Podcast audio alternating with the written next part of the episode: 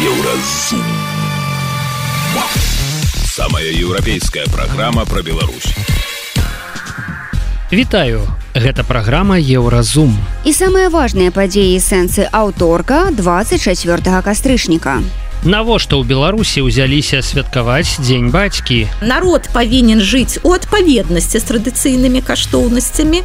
Народ павінен там нараджаць дзяцей, мець там добрую стабільную сям'ю. А вось тыя, хто кіруюць народам, вось яны могуць жыць так, как ну ім хочацца. Дзеці пакутаюць паўсюль. За што могуць забраць дзіця з сям'і ў Беларусі і ў Польшчы. При переезде у мамы сложились большие проблемы со здоровьем, с психикой совсем. И та женщина, которая меня приучила, она все это заметила, начала этим интересоваться. Я объяснила всю ситуацию, она сказала мне, с этим нужно что-то делать, что это нельзя просто так оставить. Ці сапраўды ў Беларусі выгадна пабудаваць яшчэ одну АС. Человек вот вошел враж какой-то, да, он одну чушь сделал, а ему сказали, вот это великолепно, это грандиозно. Пра гэта ды іншае больш падрабязна цягам бліжэйшай гадзіны. Еўразум. Жыві ў рытме Еўропы. У Беларусі ўпершыню адсвяткавалі дзень бацькі і тыдзень бацькоўскай любові. Лукашенко заявіў, што гэтае свята падкрэслівае асаблівую ролю мужчын ва ўмацаванні традыцыйнай беларускай сям'і. Аднак відавочна, што з'яўленне такой даты ў календары маніпуляцыя для таго, каб дзяржава яшчэ больш скараціла свае выдаткі на грамадзянаў і патраціла грошы на паказуху. Што не так з днём бацькі ў Беларусі. У эфіры еўрарадыё абмяркоўваем гэтую дату з гендернай даследчыцай Ірыны сідорскай. Тыдзень падкінуў даволі шмат э, такіх дзіўнаватых гендерных навінаў. І вось э, напрыклад гэты самы дзень бацькі і тыдзень бацькоўскай любові з аднаго боку справядліва Мне здаецца ёсць дзень маці такое традыцыйнае свята. Ну вось вам дзень бацькі да? з іншага боку ну усе ведаюць э, хто мае рэпутацыю бацькі да? Можа ў беларусі гэтага чалавека так і не называюць.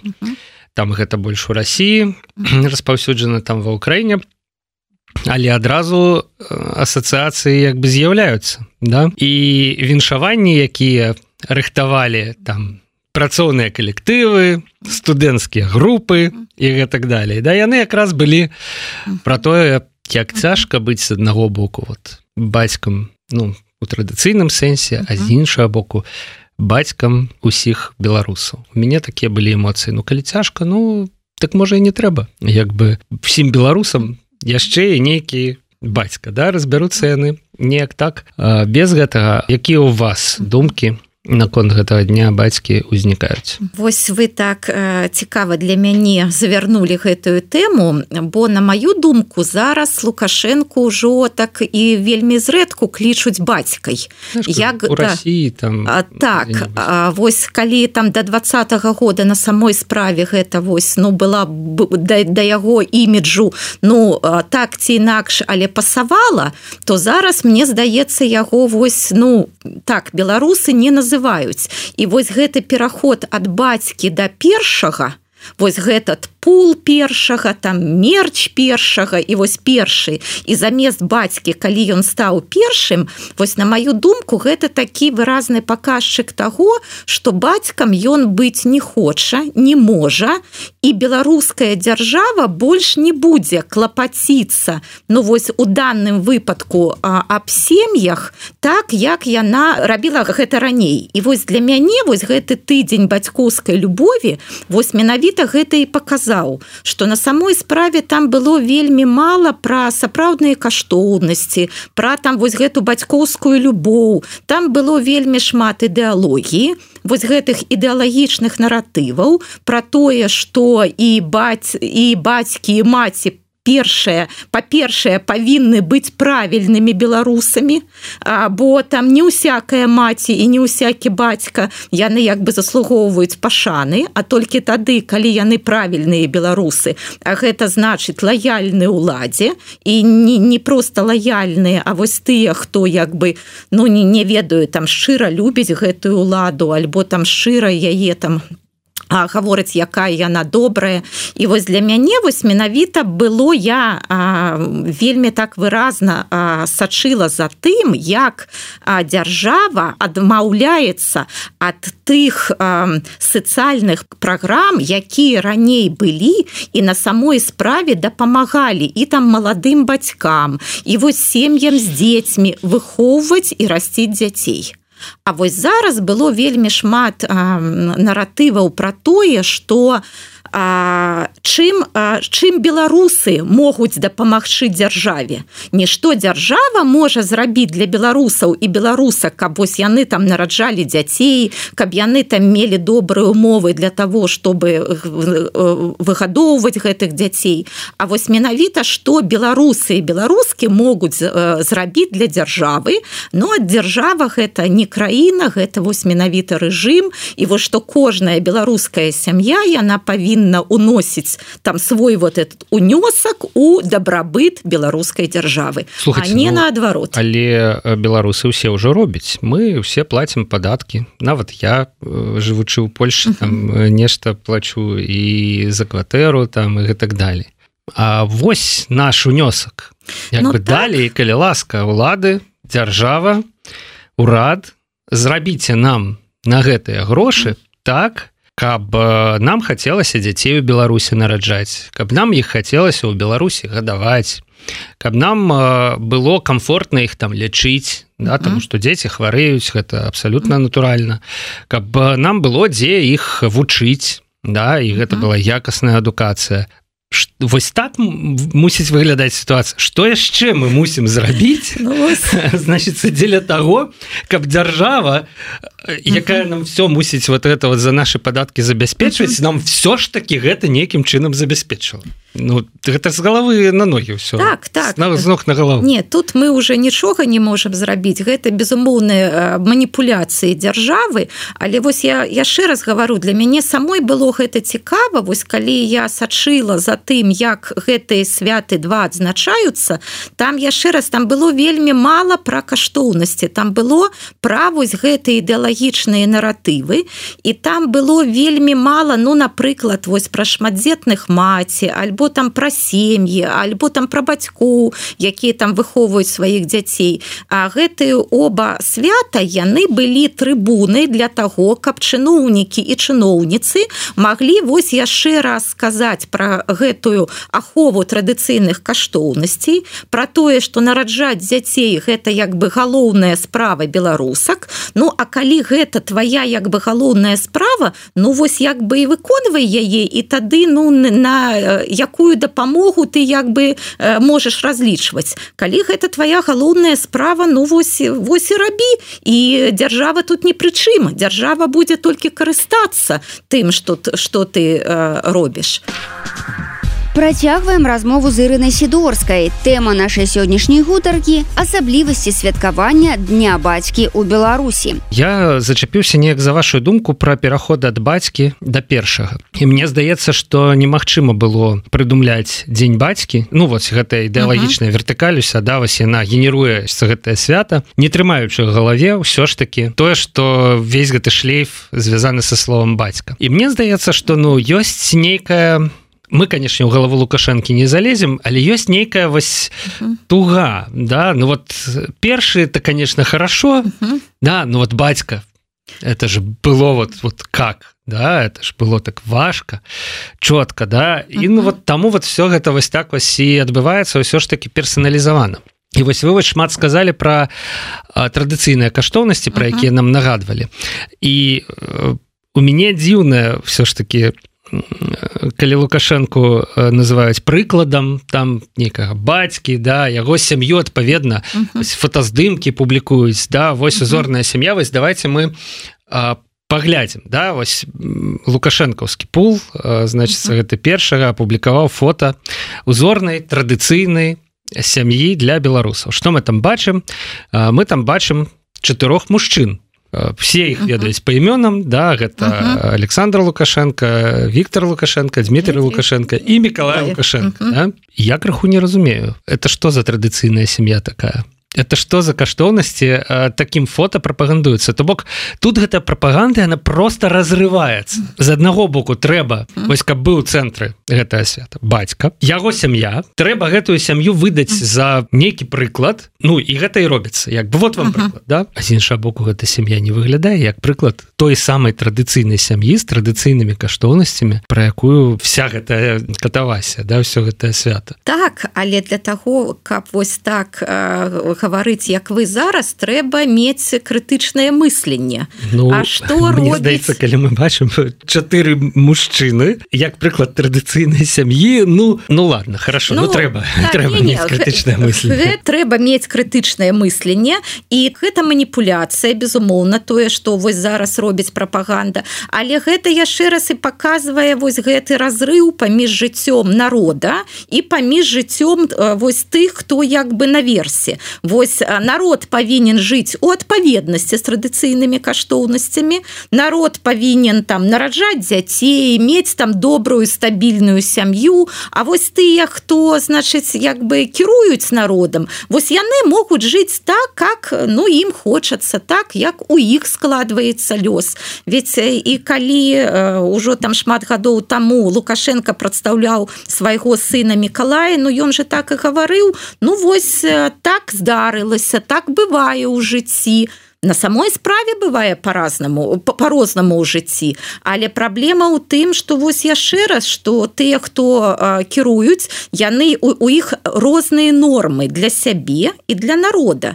І яны як бы ну канешне яны самі не прыклад. Тое самае про тых жа качанаву іх іншых жанчын якія значыць прапагандуюць каб было шмат дзяцей. Ну у іх там у, у лепшым выпадку двое дзяцей. А так так один одно дзіця. І, і, і гэта ім не перашкаджае гаварыць что іншым беларускам что яны павінны мець шмат дзяцей. Ну і вось глядзіце тут же ёсць далей куды падумаць. У Віктора лукашэнкі наколькі я памятаю чацвёра. Ён сапраўды э, вось у яго сям'я традыцыйна жонка э, чацвёр дзяцей яны ўжо дарослыя яны ўжо ведуць праграмы на тэлебачанні і так далей у Дмітрыя наколькі я памятаю таксама ёсць дзеці ну вот не памятаю колькі яго сям'я крыху менш публічная але там таксама ну трое мне здаецца мінімум то бок пакажыце гэтыя сем'і. Ну каб просто хаця б карцінка адпавядала тому что вы кажаце але нельга вось чамусьці нельга. Да вось чамусьці трэба паказаць вось вот, вось так вось каб у цэнтры быў бацька. Ну, бацькі вот, вот гэтага вось бацькі які ўжо першы там три гады так. допустим да вось ну мы не можем Ну два сыны яны ўжо там дарослыя людзі і можа беларусы захочуць як бы іх мець там у якасці прэзідэнта Ну вот А гэта ж пагражае статусу складана прапагандыстам то так на, на самой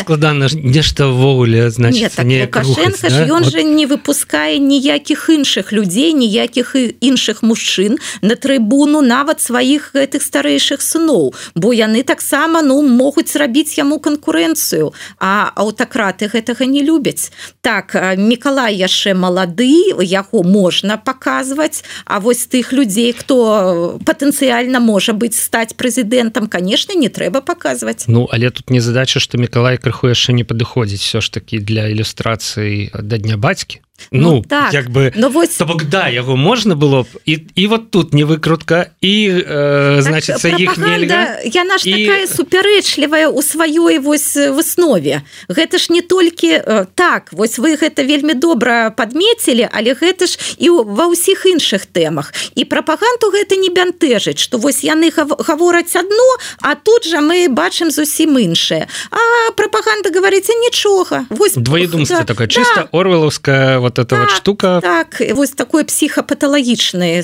такі стан але прапаганду гэта не бянтэжыць. Хай будзе так. Глядзіце тут же яшчэ якое следство можа быть вось гэты звычайны чалавек думае Ну штосьці я тут не магу разобрацца вось супярэчнасць на, на супярэчнасці. А як же тут разобрацца вось у мяне не атрымліваецца. Можа там гэта я такі дурак і не буду я гэтым займацца. І значит ну хай яны там як хочуць так і жывуць.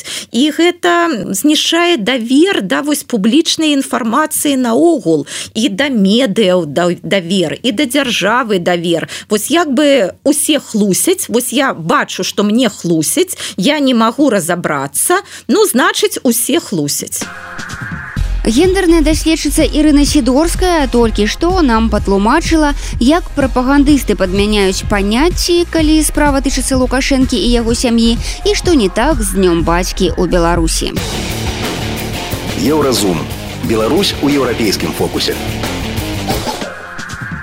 Далей у праграме еўразум у Дзеці пакутаюць паўсюль, за што могуць забраць дзіця з сям'і ў Беларусі і ў Польшчы. При переезде у мамы сложились большие проблемы со здоровьем, с психикой совсем. И та женщина, которая меня приютила, она все это заметила, начала этим интересоваться. Я объяснила всю ситуацию, она сказала мне, с этим нужно что-то делать, что это нельзя просто так оставить. Ці сапраўды Беларусі выгодна пабудаваць яшчэ одну АЭС. Человек вот вошел враж какой-то, да, он одну чушь сделал, а ему сказали, вот это великолепно, великолепно, это грандиозно. Сустрэнемся пасля навінаў спорту.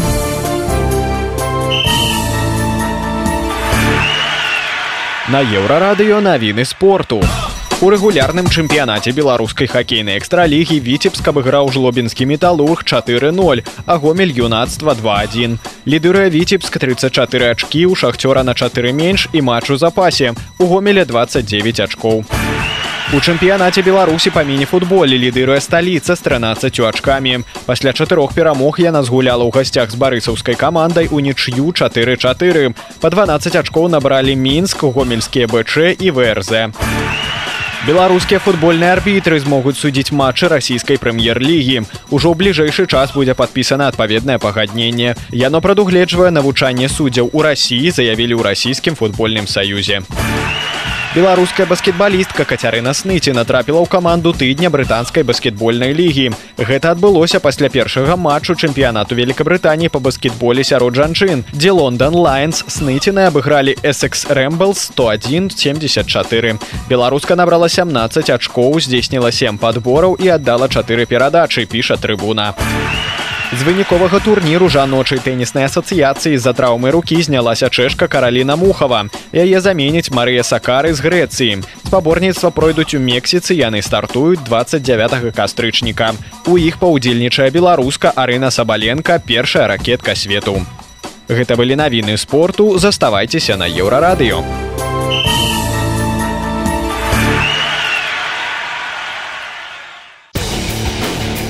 Еўразум Беларусь у еўрапейскім фокусе. Ганна Канавалова, беларуска, якая ў поцемках праз лес і балота, разам з унукамі ў 2020 годзе перасякла беларуска-украінскую мяжу. Яе дачка і зяць, бацькі дзяцей сядзяць у турме за свае палітычныя погляды. І вось цяпер Ганна ўзяла пад апеку яшчэ дваіх беларускіх дзяцей: 15гадовага Тимура і пяцігадовага Марселя дзяцей забралі ў польскі прытулак праз небяспечнае сацыяльнае становішча ў сям'і. Вось як пра прычыну свайго патраплення ў прытулак тэлеканалу Белсад распавёў Тимур. Хлопец цяпер вучыцца на кандытара. В Польшу мы приехали чуть более двух лет назад. У мамы появились ну, политические проблемы.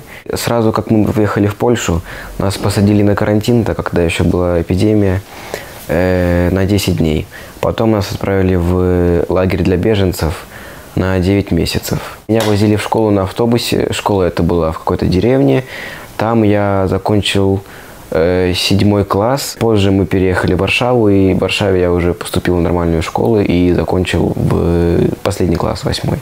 Ситуация была такая, что у нас э, кончался срок действия квартиры, ну, которую нам давали. И нам нужно было переехать в другой город. Однако это было как раз-таки в тот день, когда мне нужно было писать экзамены. И я по-любому должен был остаться в Варшаве. Я написал в чат белорусов, может ли меня кто-то приютить на два дня, что мне нужно дописать экзамен, что такая ситуация сложилась. И меня приютила одна женщина. Ситуация так сложилась, что я прожил там не два дня, а намного больше. При переезде у мамы сложились большие проблемы со здоровьем, с психикой, со всем. И та женщина, которая меня приютила, она все это заметила, начала этим интересоваться. Я объяснил ей всю ситуацию, она сказала мне, с этим нужно что-то делать, что это нельзя просто так оставить. За день или за два, точно не помню, до того, как мы э, поехали в приют, э, мама привезла э, сюда Марселя сказала, что она очень хочет поспать и не в состоянии сейчас за ним следить. И сказала, что это будет только на один день, а в итоге она просто оставила мне его. Я чувствовал себя очень растерянно, и мне было довольно страшно. Я не знал, что будет дальше, и какова будет моя дальнейшая жизнь, потому что я ну, никогда не мог представлять, что буду находиться в такой ситуации. У Беларусі апошнія тры гады здараліся выпадкі, калі не толькі дзеці сацыяльна небяспечных сем'яў, але і дзеці асуджаных актывістаў траплялі ў прытулкі. Цяпер жа беларускія чыноўнікі хочуць вызначыць падрабязны механізм адабрання дзіцяці ў сям'і. Гэта будзе адно з новаўвядзенняў у законапраекце аб змяненні законаў па пытаннях рэгулявання шлюбных і сямейных адносін. Еўрарадыё прааналізавала, у якіх выпадках дзяцей могуць забраць у бацькоў у беларусі і ў польшчы. І чаму пры падобных правілах беларускія дзеці больш уразлівыя? Гаворым пра гэта з нашай корэспандэнткай у польльше беларусі існуюць законы паводле якіх э, дзяржава можа адабраць дзяцей у бацькоў так і э, памясціць іх у прытулак. Э, ты вывучыла і адзін і другі кейс. Ці ёсць там нейкія падабенствы і адрозненні Так я заўважыла што ключавыя моманты і ў беларусі і ў польшчы даволі падобныя хоць і могуць называцца там по-рознаму у беларускіх законах часцей гучыць там адміністрацыйная ці крымінальная адказнасць. Гэта датычыцца і дзяцей і бацькоў просто фармулёўкі пералічэнні не абавязкова гэта ім пагражае але узгадваецца гэта часта. Але ў цэлым і там і там напісаны вельмі правільныя рэчы. То бок у абедзвюх краінах дзіця могуць забраць калі бацькі не закрываюць яго жыццёва важныя патрэбы. Тут база. Належная ежа для дзіцяці бяспека лячэнне доступ да адукацыі потым у беларусі ёсць блок пра нагляд за дзіцём дзе яно ходзіць чым займаецца. Вось тут калі дзіця здзейсніла злачынства гэта таксама азначае сур'ёзныя праблемы для сям'і. І яшчэ важная частка якая ёсць у абодвух заканадаўствах у гэта дзяцей могуць забраць сям'і калі бацькі або апекуны вядуць амаральны лад жыцця то бок ужываюць наркотыкі алкаголь там ішла гаворка пра прастытуцыю таксама. Ці калі бацькі злоўжываюць сваімі правамі або жорстка абыходзяцца з дзяцьмі то бок ужываюць маральны або фізічны гвалт. Але тут мне здаецца розніца больш не у законах а ў правапрымяняльнай практыцы умоўна успрыманне гвалту у беларусі і у польшчы і у еўропе цалкам рознае. Пакуль я рыхтавалася чытала матэрыял BBC і там распавядаецца пра выпадак калі стаматолог у польшчы убачыў у украінскага дзіцяці сіняк і паскардзіўся уладам. Аказалася гэта сляды збіцця і у таксама бацька атрымаў вялікія праблемы і ўявіць сабе такое ў беларусі не тое каб э, немагчыма але мне здаецца складана. Э, таксама у польшчы вельмі строга з тым каб пакідаць дзіця да сямі год дома без нагляду. Э, мне здаецца у беларусі таксама з гэтым прасцей. Но і ў беларусі напэўна асабліва складана калі гаворка ідзе пра маральны гвалт напісана што ён павінен быць усталяваны. Але як яго усталяваць незразумела пра гэта нічога не маг хтосьці павінен там здымаць гэта на телефон ці дастаткова паслухаць дзіця. З гэтым мне здаецца таксама ў беларусі не вельмі добра справы.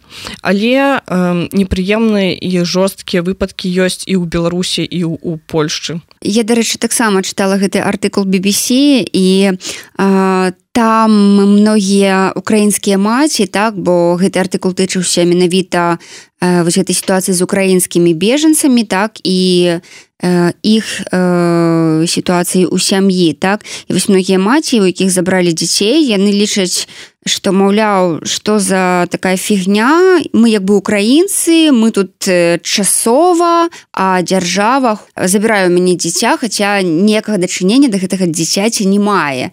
Вось чаму гэта ўсё ж не слушнае меркаванне ну складана сказаць наколькі яно слушнае ці не слушнае бо мы чыталі не дакументы не рашэнне суда а расказы бацькоў і меркаванні экспертаў. Часам мне было шкада тыя сем'і про которые я чытала а часам мне здавалася ну нешта яны мабыць не дагаворваюць. І у гэтым стаўленні да дзяцей э, таким про якой я казала ўжо раней я пазнала Беларусь калі шчыра на жаль так. Ну то бок крычаюць на дзяцей там ну, так, дзіця не слухаецца там недзе там э, налупіць э, так. Але сапраўды тут у Польшы э, такога не робяць ну хаця прылюдна так? То бок я ўсё ж э, лічу что э, у любой краіне бацькі ўсё ж павышаюць голас на дзяцей але ну неяк так часта все ж рабіць гэта апасаюцца ну як мне падаецца. А натуральна што апошнія там тры гады э, забіраць дзяцей э, у беларусі стала таким кейсам які тычыцца не толькі вось людзей дзяцей з нейкіх там сацыяльна незабяспечаных сем'яў так але і под гэты момант трапляюць і дзеці з сямей актывістаў. То бок напрыклад э, сям'я машукоў маўшукоў здаецца спінска так вось і, і бацьку і маці забралі.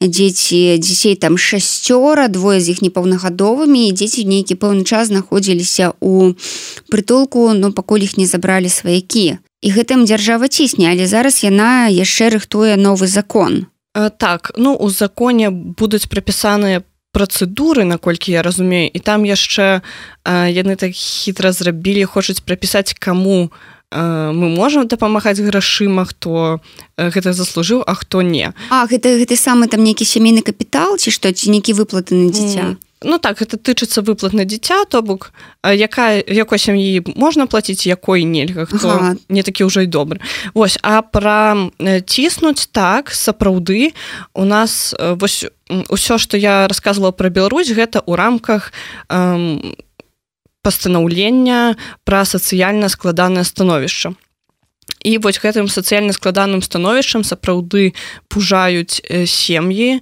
больш затое пужаюць дзеці я чытала раней даклады праваабаронцаў даходзіць да того што дзеці баяцца хадзіць у школу бо іх пужаюць і кажуць што ну вось з заберем тебя ад бацькоў ці былі выпадкі калі міліцыянеры прыходзілі дадому з праверкай да актывістаў сям'я цалкам нармальная але яны пісалі нейкі там протакол у якім было напісана што вось дома там э, усе п'яныя бутэлькі ад алкаголю і чалавек нічога не можа з гэтым зрабіць. То бок гэта сапраўды э, вялікая праблема і гэта да пытання таго пра што я казала пра э, прымяненне законаў.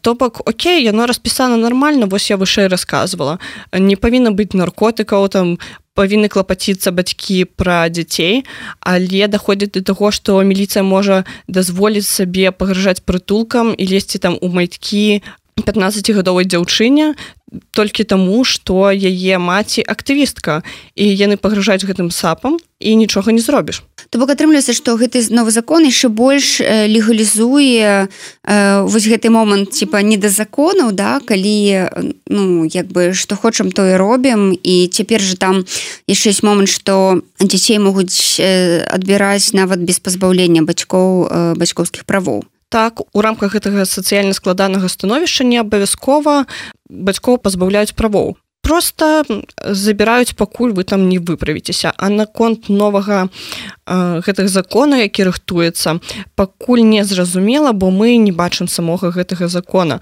Але таксама незразумела навошта прапісваць нейкія працэдуры.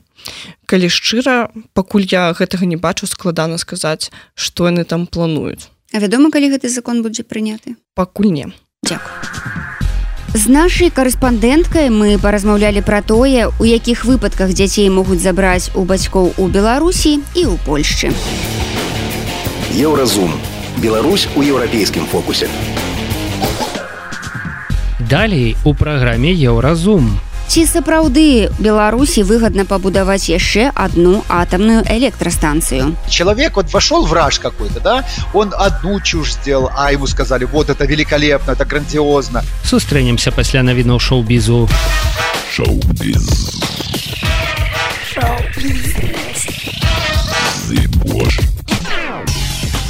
Навіны шоу-бізу на еўрарадыё.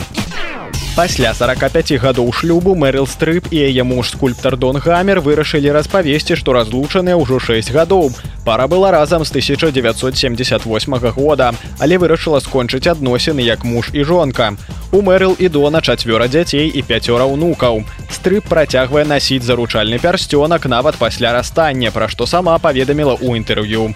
У сваёй заяве прадстаўнік акторкі лаўрэата прэміі Оскар паведаміў часопісу People, што гамер і стрып разлучаныя і хоць яны заўсёды будуць клапаціцца адзін пра аднаго было вырашана жыць асобна.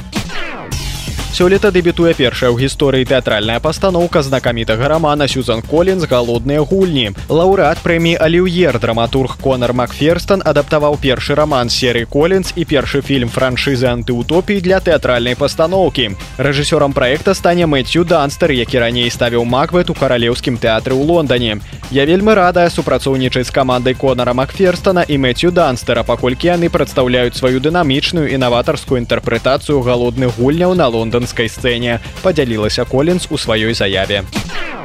Наступны фільм з томам крузам місія невыканальная адкладзены да 2025 года. Кінакампанія парамаунт таксама перанесла прэм'еру фільма ціхае месца дзень першы на два месяцы з-за змену календары на 2024 на фоне страйку актораў у галівудзе у новай місіі круз вернецца да ролі агента ітана ханта. Таксама чакаецца вяртанне вінга рэймса і ванессы кірбі кінафраншыза ўзыходзіць да арыгінальнага фільма 1996 года. Ён вядомы здымкамі па ўсім свеце і фірмовым трукам круза, які часта становіцца цэнтральным элементам яго маркетынгавай кампаніі.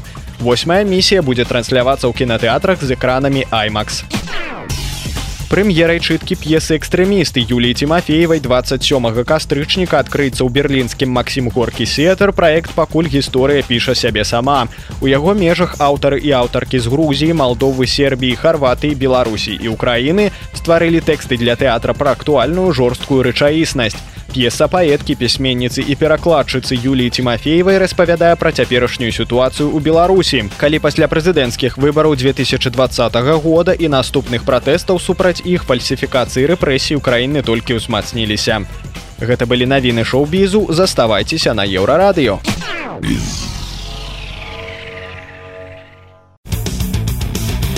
Еўразум жыві ў рытме Еўропы. Днямі Александр Лукашенко чарговы раз паразважаў на тэму будаўніцтва другой атамнай электрастанцыі ў Беларусі, назваўшы гэта выгадным праектам. Шалёная ва ўсіх сэнсах думка пачала наведваць беларускага кіраўніка прыкладна год таму, калі ён заявіў, што рыхтуе свядомасць беларусаў да магчымасці ўзвядзення яшчэ адной АС. І вось цяпер відаць, ён мяркуе, што беларусы гатовыя да яшчэ аднаго небяспечнага аб'екта на сваёй тэрыторыі. І лукашенко кажа што ідзе прапрацоўка гэтага пытання на пачатковым этапе. І гэта заўважым пры тым што ў прамысловую эксплуатацыю дагэтуль не запушчаны другі блок астравецкай АС а першы пастаянна спыняецца на рамонт Да таго ж краіны ЕС на якія разлічваў рэжым адмовіліся набываць электраэнергію ў беларусі. Праўда у рассіі якая будавала і нават дала грошай на першую беларускую АС паставіліся да ідэі лукашэнкі стрымана і насцярожана.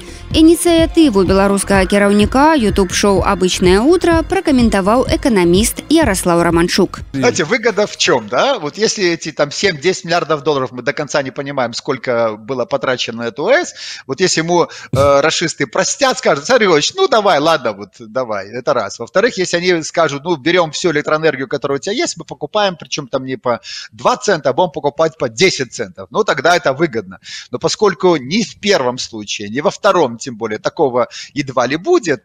Трудно сказать вообще, как э, энергосистема Беларуси перестроится при э, запуске второго полноценного блока, первой БЛС, а он же вторую хочет. Это угу. вот режим освоения. Человек вот вошел в раж какой-то, да, он одну чушь сделал, а ему сказали, вот это великолепно, это грандиозно, мы стали космической державой, спутник запустили, а, а толку? А ну, ноль, ну важно, а мы вот Теслу победили, мы там уже Starlink победили, мы там уже даже BLG скоро на российский рынок будет автомобиль номер один, а наши Белазы бороздят, продолжают океаны там и, и пароходы и все. И тут, понимаешь, у человека крышу сносит, и он в этом всем же, поверьте, 30 led. Полного неадеквата, оторванности от реальности, зализывания, очковтирательства. И плюс еще 70 лет, понимаете, но все-таки уже митохондрии не так работают. Друзья, вот это вот к вопросу о выгоде, не выгоде, чтобы наши уважаемые зрители э, для себя понимали, как отвечать на этот вопрос. Первый параметр – это сколько будет стоить или сколько стоит электроэнергия с БелАЭС для конкретного белоруса. Если нам Лукашенко обещал, что она будет стоить в два раза дешевле после запуска запуска БелАЭС, она стоит дороже, да, более того, она стоит дороже, чем газ, который мы, чем та, которая делается на газу, потому что газ сегодня супер дешевый из-за того, что Россия не продает ее в Европу, да, то это нужно, чтобы электроэнергия киловатт-час из БелАЭС стоила там полтора цента а он стоит там 7 центов, да, и это, угу. понятное дело, совершенно другая э, арифметика. То же самое с газом. Одно дело, когда газ стоил 200, да, или там 300, это одно. Другое дело, когда он стоит 50, соответственно, э, издержки киловатт-час совершенно другие. Поэтому сегодня вот самая большая проблема. Лукашенко влез под один расчет, который был в первой половине 2000-х. Сегодня другой расчет, друзья. Если ваши коммунальные платежи не уменьшились, вы этого не заметили, то овчинка не стоит выделки. Более того, 600-700 миллионов долларов ежегодных платежей по кредиту, вам это не цена, это ж налоги, которые постоянно повышаются. Это тарифы, которые постоянно растут. Как можно не отвечать на этот вопрос? И это мы еще не начали закрывать те производства, производственные мощности генерирующие, которые работают на других источниках электроэнергии, потому что девать-то ее некуда. А кому выгодно, вот еще важный вопрос, кому выгодно, да. это напомню, что весь проект начинался, когда главой Росатома был Кириенко, который является сегодня главным пропагандистом и главным там идеологом э, российской войны в Украине, и он, конечно, никуда не делся, у него контакты остались, и он остается главным атомным киндер-сюрпризом, уже не сюрпризом, а, а монстром, вот, и, естественно, есть там и белорусские энергетики, которые в Москве уже им приручены, и схемы через Швейцарию, об этом великолепно писали еще до войны, была такая статья в украинской прессе относительно тех схем, которые использовались для отмывания денег и откатных э, операций яшчэ адным амбіцыйным праектам для рэжыму лукашэнкі стала беларуская нацыянальная біятэхналагічная карпорацыя вядома што ў савет дырэктароў карпорацыі уваходзіць дарацца кіраўніка чачні. Долей кампаніі валодае сям'я экс-прэзідэнта кыргызстана бакіева які шмат гадоў хаваецца ў беларусі ад пераследу на радзіме. Кіруе кампаніі таксама збеглы экс-прэм'ер кыргызстана даніяр усенаў. Ён у беларусі вядомы як даніла урыцкі апрасоўвае бнбк асабіста лукашенко некаторыя мяркуюць што у адрозненне ад беларускай аэс беларуская нацыянальная біятэхналагічная карпорацыя сапраўды карысная для беларусі кампанія якая займаецца глыбокай перапрацоўкай зерня і пастаўляе на рынкі высокапрадуктыўныя камбікормы. Але эканаміст ярослав романчук не зусім згодны з таким меркаваннем. Для работников белаэс для работников бел нбк это супер проекты они прекрасную заработную плату получает. В моменте, когда БНБК еще строился там на самом начале, да, вы знаете, сколько там была средняя заработная плата в месяц? Вы просто упадете. Это 20, 25 тысяч долларов.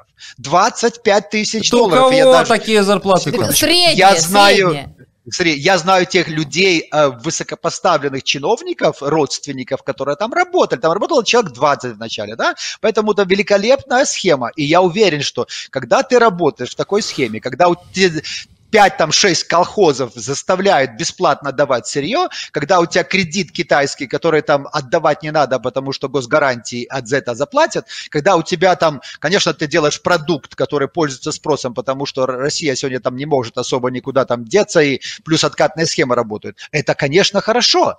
Но когда мы говорим про нормальный бизнес, да, а если мы рассматриваем такие проекты с точки зрения бизнеса, а не э, как бы отмыв, отмывочно-осваиваемые окупаемых ресурсов государства э, и кредитных ресурсов, ну тогда это совершенно другая оценка. Поэтому да, работает, да, будет экспортировать, но вопрос, э, когда он выйдет э, в точку э, как бы окупаемости, да, какая будет рентабельность производства, и когда в конце концов рассчитается с государством. И могут ли э, э в данной ситуации, можно ли назвать этот проект коммерческим, или это либо так, э, такое модное слово э, частно-государственное партнерство. Знаете, я бы в этой ситуации бы лучше построил пирамиду, да, которая бы там через тысячу лет приезжали бы в Беларусь и говорили, вот пирамида, и спорили бы, как ее строили, да, потому что это БНБК без государственных вот этих всех э, примочек, присосок просто завалится, станет банкротом, это раз. То же самое БЛС. Вот просто после того, как э, вот этого э, субъекта не будет, да, надо первое, с чего надо начать, нужно сделать международную комиссию по э, оценке безопасности БЛС и по оценке экологического воздействия на природу вот этого БНБК. Вот тогда мы, mm-hmm. когда мы получим заключение, вот тогда мы будем принимать решение, я думаю, что оно очень близко будет к решению сликвидировать. И вот это то, что Лукашенко, ну, понятное дело, ему же оценку экологичности и безопасности дает, может быть, в том числе Национальная академия наук или МАГАТЭ, который сидит на э, горшке у Росатома и у Кириенко. Гэта быў эканаміст Ярослаў Раманчук, які расклаў па паліцах плюсы і мінусы амбіцыйных праектаў рэжыма Лукашэнкі. Еўразум. Беларусь у еўрапейскім фокусе. Гэта была праграма Еўразум, штодзённы інфармацыйны падкаст еўрарадыё. Кожны дзень мы распавядаем пра самыя галоўныя навіны Беларусі і свету. А сённяшні выпуск скончаны. Беражыце сябе. Пачуемся.